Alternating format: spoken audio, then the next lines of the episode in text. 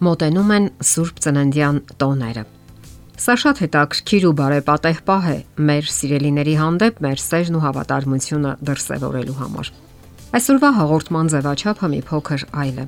Ուզում եմ ձեզ համար ընթերցել համաշխարհային հրճակ ունեցող հեղինակներից մեկի՝ Օ. Հենրիի ստեղծագործություններից մեկը՝ Մոգերի ընծաները։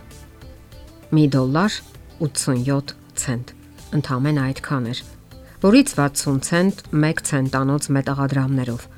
Դրանցից յուրաքանչյուրի համար հարկ էր եղել սակարկել նպարավաճառի, բանջարավաճառի ու մսագործի հետ այնպես, որ մինչև ականջները կարմրել էր այն համր դժգոհությունից, որ առաջացրել էր նման խնայողությունը։ Դելան 3 անգամ նորից հաշվեց՝ մի դոլար 87 ցենտ։ Իսկ վաղը ծննդյան տոներն են։ Միակ բանը, որ մնում էր անել, փռվելն էր հնամաշ օթոցին ու արտասվելը։ Դելան հենց այդպես էլ վարվեց։ Այստեղից էլ առաջ է գալիս փիլիսոփայական եզրահանգում, որ կյանքը բաղկացած է արցունքներից, հառաչներից ու ժպիտներից։ Ընդ որում, հառաչները գերակշռում են։ Մինչ տանտիրուհին կանցնի այդ բոլոր փուլերը, աչքի անցկացնենք տունը։ Փոքրիկ բնակարան, շափատը 8 դոլարով։ Կահավորանքը վկայում էր ոչ թե աղաղակող աղքատության, այլ համեստորեն լռող չքավորության մասին։ Դելլան դադարեց արտասվելուց եւ խավափնջիկով թեթևակի դիմափոշի քսեց այտերին։ Այժմ նա կանգնել էր պատուհանի մոտ եւ թախիծով նայում էր գորշ բակի երկայնքով ձգվող գորշ ցանկապատի վրա ջեմող գորշ կատվին։ Վաղը ծննդյան տոներն են։ Իսկ ինքը միայն 1 դոլար 87 ցենտ ունի Ջիմին նվեր գնելու համար։ Ամիսներ շարունակ բառացիորեն տնտեսել էր յուրաքանչյուր ցենտը իսկ եղածն ընդհանրեն այդքանն էր։ Շաբաթը 20 դոլարով հեռու չես գնա։ Ծախսերն ավելի շատ դուրս եկան, քան նախատեսել էր։ Միշտ էլ այդպես է լինում։ Ջիմին նվեր գնելու համար ընդամենը 1 դոլար 87 ցենտ իր Ջիմի համար։ Քանի-քանի բերկրալի ժամեր էր անցկացրել մտածելով ինչ գեղեցիկ բան նվիրի նրան ծննդյան տոներին։ Ինչ որ առանձնահատուկ հազվագյուտ թանկ արժեք մի բան, որը գետ փոքրինչ արժանի լինի Ջիմին պատկանելու մեծ պատվին։ Մի մեծ հայելի էր դրված լուսամուտների միջև։ Հանկարծ նա հեռացավ լուսամուտի մոտից եւ նետվեց դեպի հայելին։ Աչքերը փայլում էին, սակայն 20 վայրկյանի ընթացքում երեսին գույն չմնաց։ Արագ շարժումով հանեց հերակալները եւ արցակեց մազերը։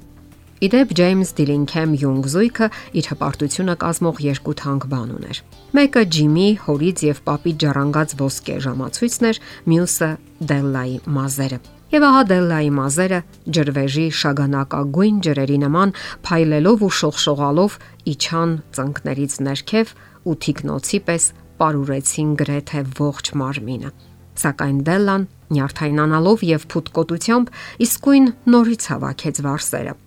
Այնուհետև ասես տարակուսելով մի պահ անշարժացավ եւ արցունքի 2-3 կաթիլ անկան հնամաշ կարմիր գորգին։ Հնամաշ դարչնագույն ժակետն ուսերին, հնամաշ դարչնագույն գլխարկը գլխին, շրջազգեստը փողփողացնելով, տակավին չչորացած արցունքի կաթիլների փայլը աչքերում նա արդեն սլանում էր ներքև փողոց։ Ցուցանակը,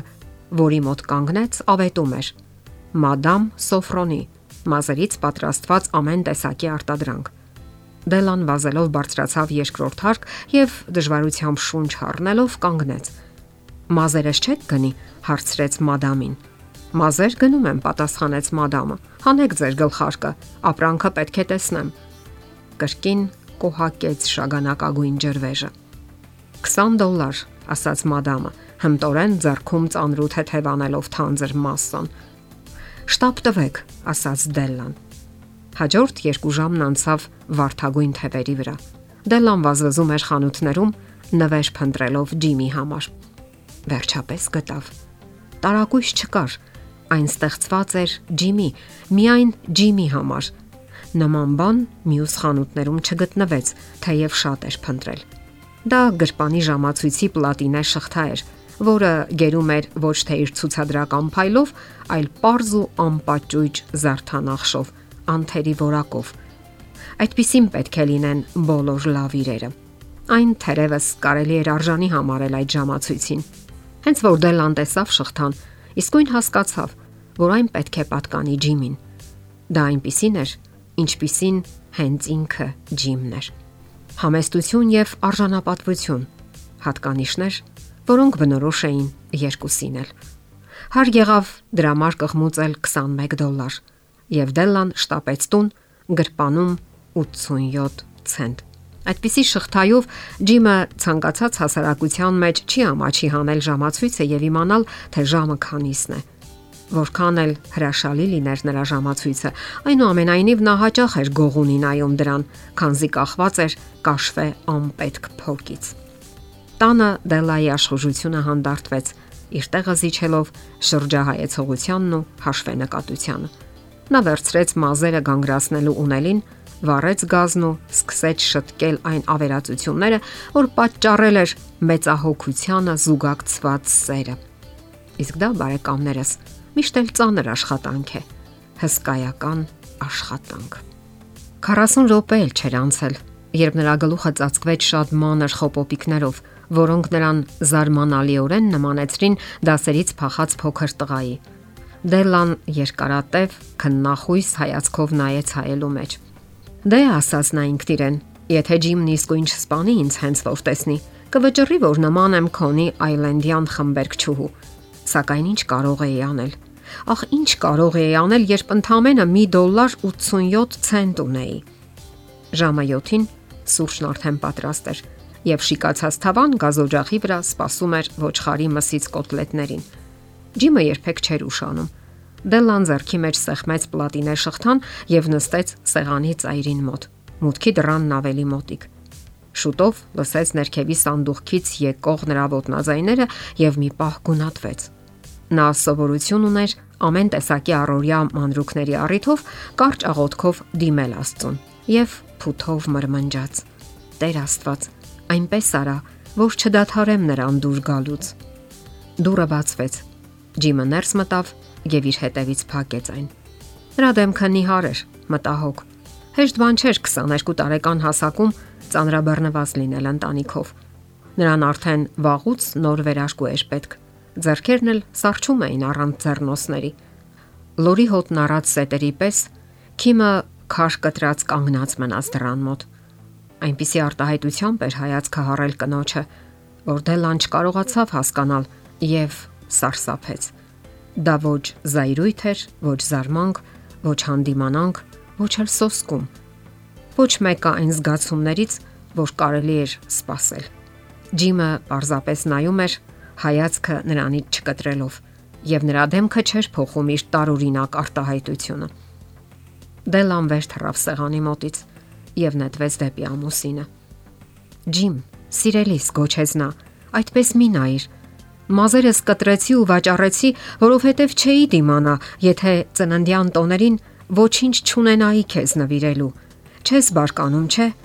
Այլ կերպ չէի կարող Մազերս շատ արագ են աճում։ Դե Ջիմ, շնորհավորիր ինձ ծննդյան օրվա կապակցությամբ եւ արի ուրախ դիմավորենք տոնը։ Եթե իմանայիր թե ինչ հրաշալի, ինչ հոյակապ նվեր եմ պատրաստել քեզ համար։ Մազերդ կտրել ես։ Հարցրեց Ջիմը մի տեսակ ճիքով։ Թեև ուղեղը լարված աշխատում էր, բայց տակավին չէր կարողանում ըմբռնել այդ փաստը։ Այո, կտրել եմ եւ վաճառել եմ, ասաց Դելան բայց չէ որ դու միևնույնն է կսիրես ինձ, չէ որ չեմ փոխվել, չնայած կարճ են մազերս։ Ջիմը շվարած նայեց շուրջը։ Ուրեմն հյուսերդ այլևս չկան, հարցրեց նա անմիտ համառությամբ։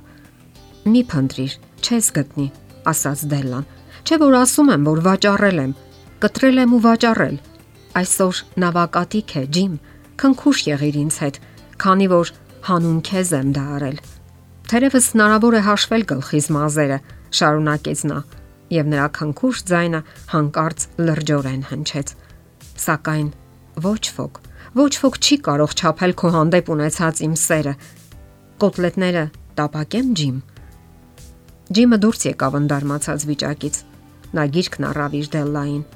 Ջիմը մի փաթեթ հանեց վերարկուի գրպանից եւ նետեց սեղանին։ Սխալ չհասկանաս ինձ դել, ասաց նա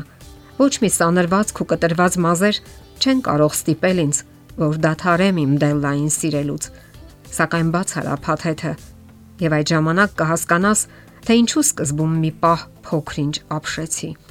Ձյունասպիտակ մատիկները թափով քանդեցին փաթեթի կապն ու թուղթը։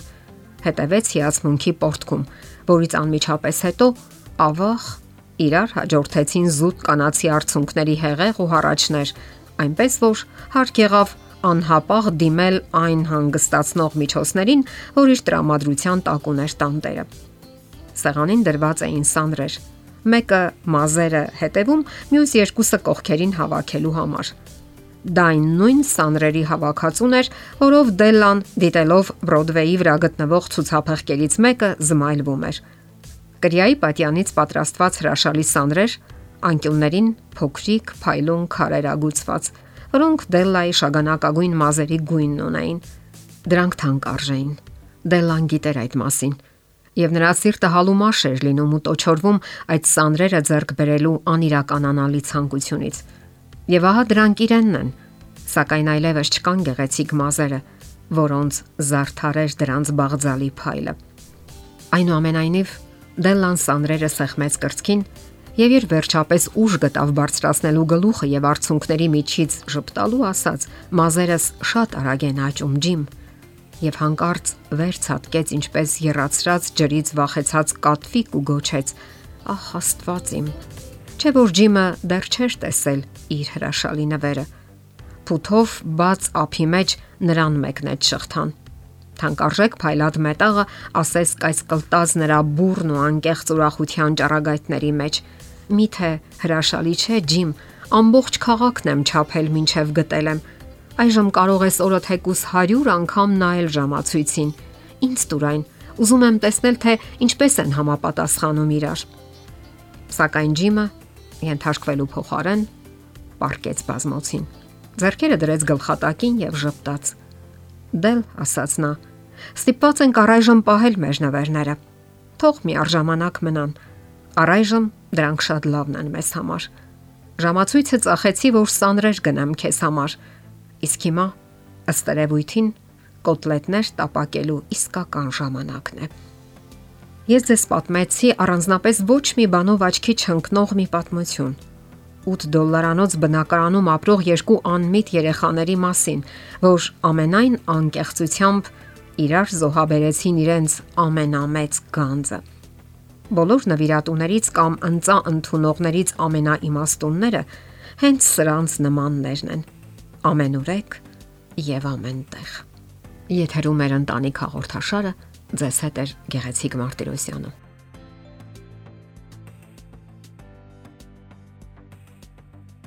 Հարցերի եւ առաջարկությունների դեպքում զանգահարեք 094 08 2093 հեռախոսահամարով։ Հետևեք մեզ hopmedia.am հասցեով։